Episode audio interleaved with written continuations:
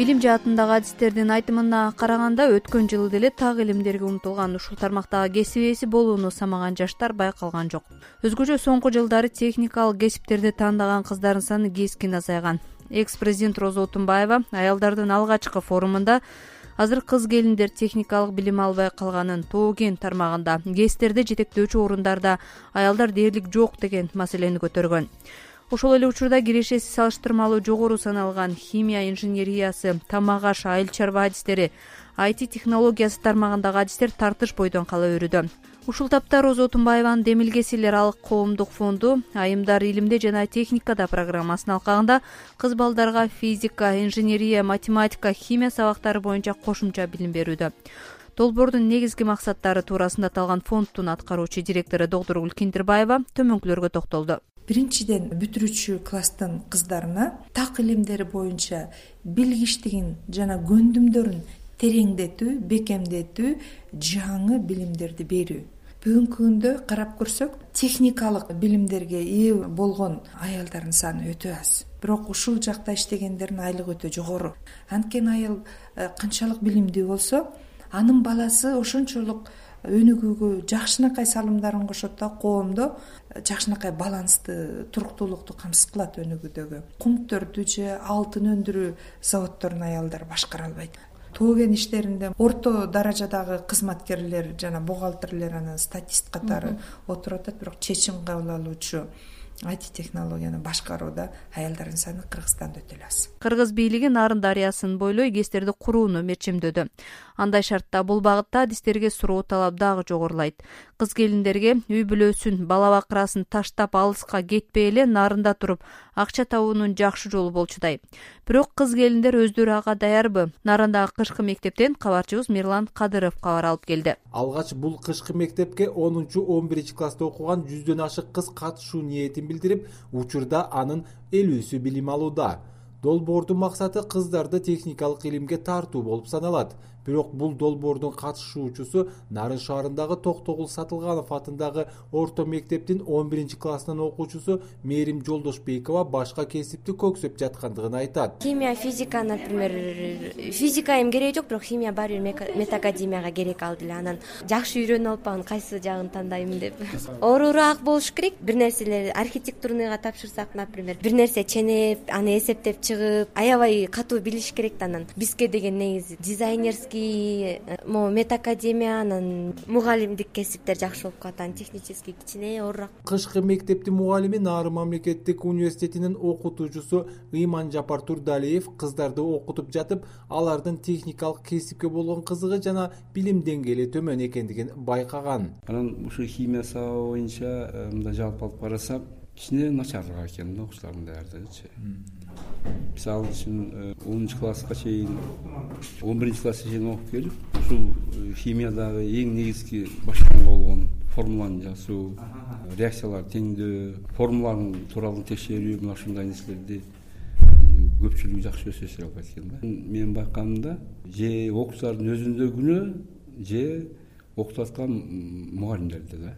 Эми бул адамдын өзүнүн жөндөмдүүлүгүнөн мындай ойду учурда кызын кышкы мектепке окутуп жаткан нарын шаарынын тургуну сайра саякбаева дагы бекемдеди. Азыр эми юристтер көп экономисттер көп. Гуманитарный жакты бүткөндөр көп да э, дипломду алып алышып жумуш жок жүрүшөт немеге дипломированный специализацированный кишилер керек да. Ошон үчүн кызымды эгер кааласа тапшыртмакмын бул долбоордун алкагында анын уюштуруучусу нарын мамлекеттик университетинин окуу башкармачылыгынын бөлүм башчысы жылдыз усубалиева кыздардын келечекке койгон максатын туура тандоого чакыргандыгын айтат. Туурараак мындай багыт берелик деп анан мен дагы аракет кылдым.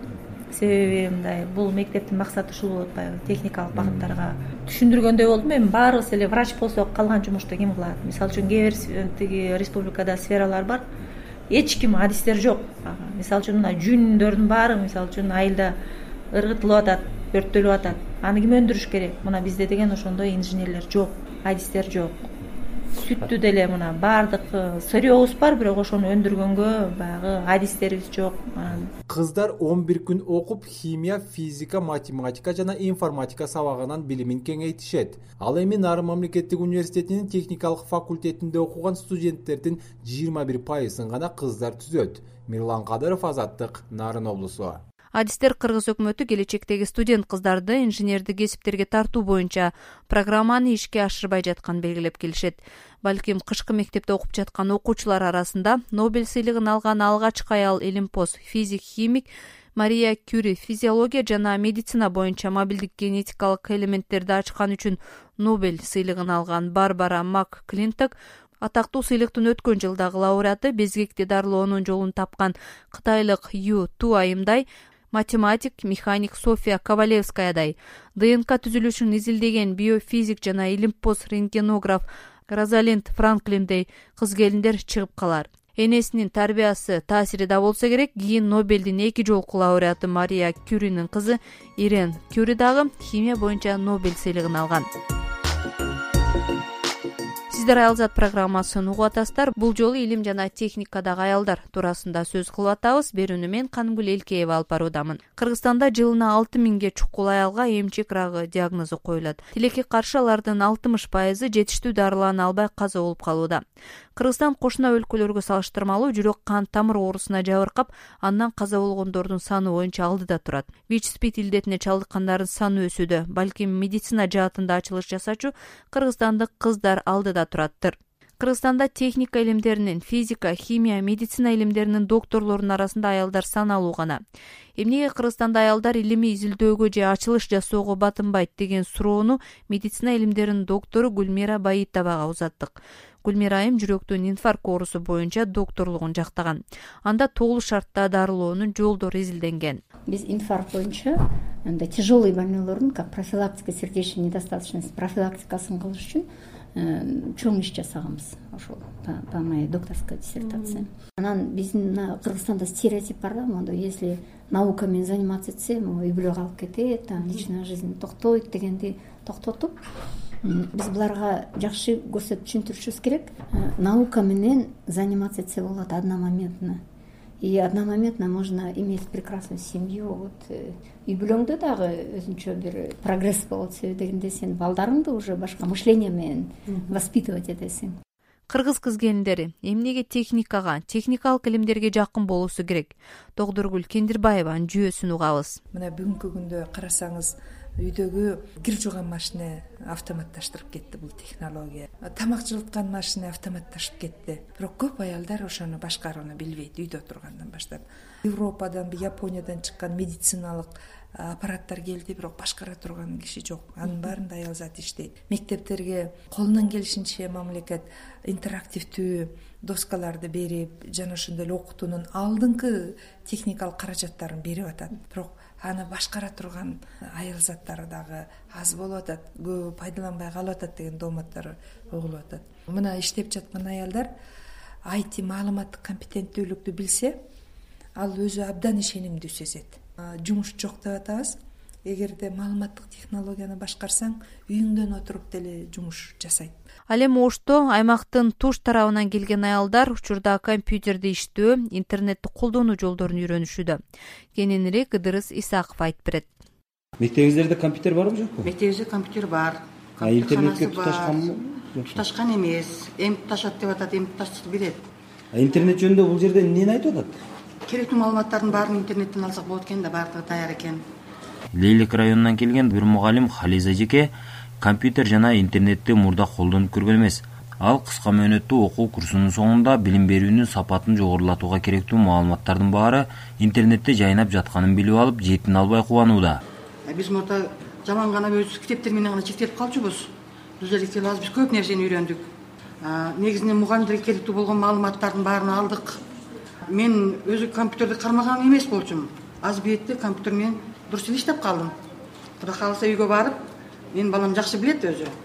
Мен өзүм кызыккан эмеске мен мындан ары менин жолдошум болуп калат го компьютер болгон үчүн бүгүн биз компьютерди адистигиңиздерге карабай кайсыл адистиктин ээсине карабай баардыгыбыз компьютер жөнүндө маалыматыбыз болуш керек техниканы таанышыбыз мен ушул күнгө чейин компьютериңди кармап көргөн эмесмин. Бул деген негизи жакшы нерсе болду да мен үчүн ачылыш болду дейм да. Элүү үч жаштагы бул эжекенин аты жөнү мээркан эшимбетова ал буга чейин компьютер менен такыр тааныш эмес болчу. Анын айтымында алыскы лейлек районундагы мектептерде интернет тургай компьютер да жакшы тарай элек. Мээркан эжеке терроризм азгырыгына каршы туруу үчүн электек аялдардын да маалымат алуу мүмкүнчүлүгү кеңейиш керектигин айтууда. Себеби кээ бир туура эмес информациялар э, компьютерден алып алып э, кээ бир элдер башка багытка башка жака кетип калган мезгилдер бар. Айрыкча мына сирия маселеси динди жаман алып турупчу элди башка жака бурмалап сирияга алып кеткен учурлар бар да. Ошондуктан биз э, компьютерден эле ошол эмелерди маалыматтарды алып карабай ошонун оң жактарын алганыбыз оң деп ойлойм да. Азыркы мезгилде биз энелер э, бул айрыкча мугалимдер бул э, компьютер менен алектенип ошонун терс жана оң жактарын кароосуна көңүл бурсак деп компьютер жана интернет сабаттуулукту арттыруу долбооруна жаңы технологиялардан такыр кабары жок аял мугалимдер чакырылган долбоордун окутуучусу жаркынай абдымалик кызы билимдүү аялдар аркылуу билимдүү муун өсүүсүнө кам көрүү болуп жатканын айтты. Интернет тармагы бүгүнкү күндөгү маанилүү глобалдуу маселелердин бири жайкы эки миң он бешинчи айдан бери үйдөгү аялдардан баштап мектеп мугалимдерине чейин ушул курсту окутуу маанилүү болуп атат анткени баягы үй бүлөдө дагы э, коомдо дагы аялдын орду бала үчүн маанилүүрөөк билим берүү үчүн. Анан айрыкча жаштарды анын ичинде мектеп окуучунун мезгилинен баштап билимге техникага кызыктыруу үчүн ал үчүн ушул приборду толугу менен билиш керек деген максатта ушул тармак колдонуп атабыз долбоор мектеп мугалимдеринин жана элеттик аялдардын да компьютердик билимин арттырууну көздөйт. Ыдырыс исаков азаттык ош кыргызстандык аялдар жалаң эле гуманитардык кетип илим технологияны унутуп койду деген да туура эмес болуп калчудай. Улуттук илимдер академиясынын мурдагы президенти академиянын химия институтунун жетекчиси академик шарипа жоробекова техника илимдеринин кандидаты диляра иманалиева бир катар медицина илимдеринин кандидаты болгон кыз келиндер буга далил боло алат. Мисалы диляра иманалиева нано технологиялар тармагында нано бөлүкчөлөрдү изилдөө менен кадимки цементтин өзгөчө түрүн табууга жетишкен.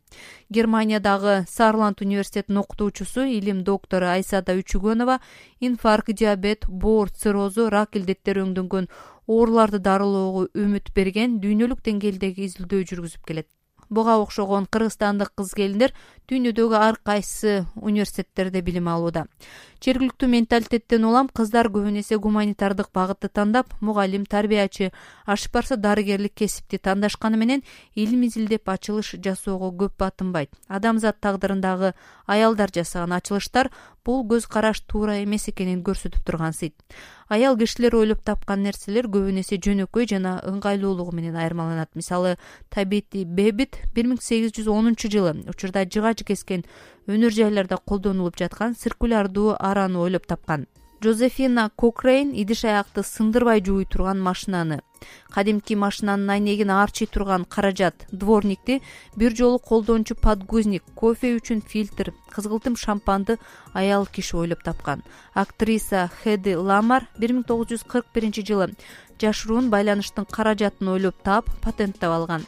бир миң тогуз жүз алтымыш экинчи жылы аны америкалык торпедолордо пайдаланса азыр бул технология мобилдик байланыш жана вайфай үчүн колдонулуп келет мындан сырткары кагаздагы катаны оңдоо үчүн замазка азыркы балдардын кызыккан оюну монополиянын ого өткөрбөөчү кийим дагы аял затынын колунан жаралган. Сиздер аял зат программасын уктуңуздар. Бул жолку берүүнү мен каныгүл элкеева алып бардым. Мага ыдырыс исаков жана мирлан кадыров жардам берди